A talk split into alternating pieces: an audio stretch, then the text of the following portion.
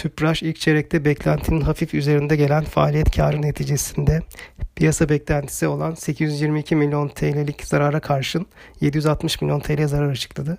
Fabök stok karlarının etkisiyle 1.2 milyar TL ile beklenti %8 aştı.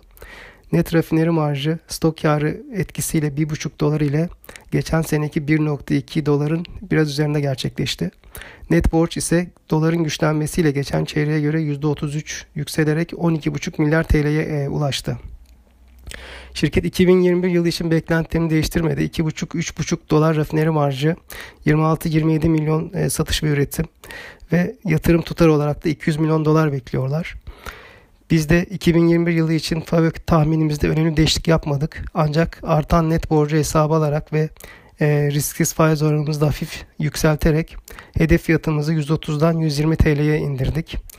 Hisselerle ilgili endeks üzerinde getiri önerimiz devam ediyor.